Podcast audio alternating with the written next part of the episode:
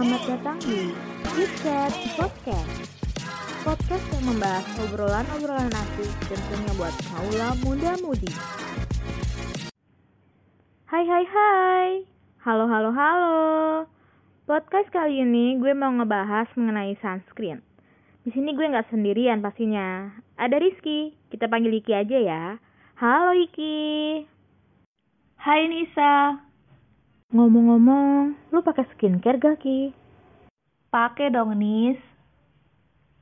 Kalau gitu, sunscreen lu tahu kan? Nah, menurut lu sunscreen itu apa sih? Menurut gue, sunscreen tuh basic skincare yang wajib banget dan gak boleh di skip kalau gue mau beraktivitas di luar rumah. Soalnya nih ya, sunscreen ini ngebantu banget buat lindungin kulit gue dari sinar matahari gitu. Tapi kan itu menurut yang gue tahu aja ya kan. Jadi gue mau tahu dong nih secara lengkapnya jelasin sunscreen itu apa biar gue lebih paham lagi gitu. Betul tuh. Gue tambahin sedikit ya.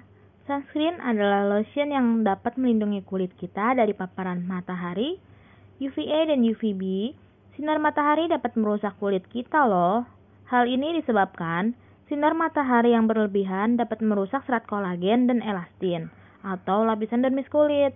Akibatnya, kulit akan tampak keriput, kendur, dan pori-pori membesar. Bahkan kanker kulit.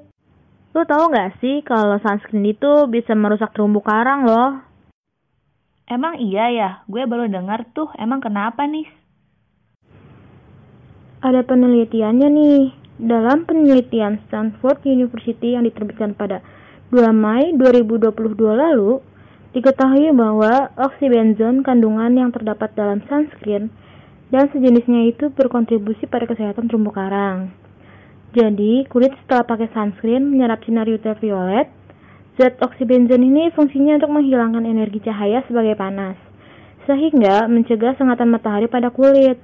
Sementara anemon dan karang melakukan metabolisme ketika terkena matahari, jadi nggak sinkron gitu atau berlawanan.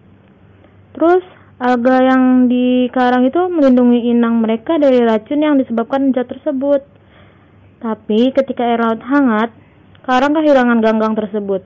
Dampaknya, kerangka karang memutih seperti tulang. Kondisi itu rentan memicu fenomena pemutihan terumbu karang deh. Bahaya banget ya ternyata. Gue juga baru tahu nih, berarti penggunaan sunscreen dapat menjadi masalah besar dong ya, Nis.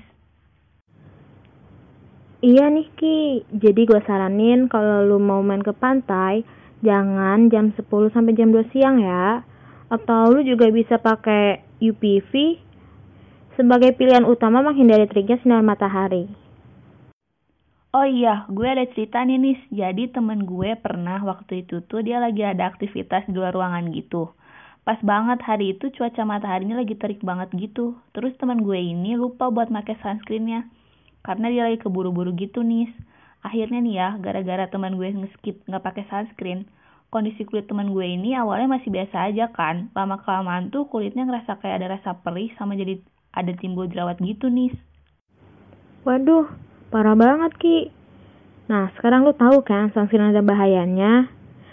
Maka dari itu yuk guys yang suka main ke pantai nih. Sekarang harus lebih bijak dalam menggunakan sunscreen ya. Sekian podcast kali ini See you. Eh, eh, eh, tar dulu kali, ada iklan nih. Baru bangun kerjaan udah numpuk.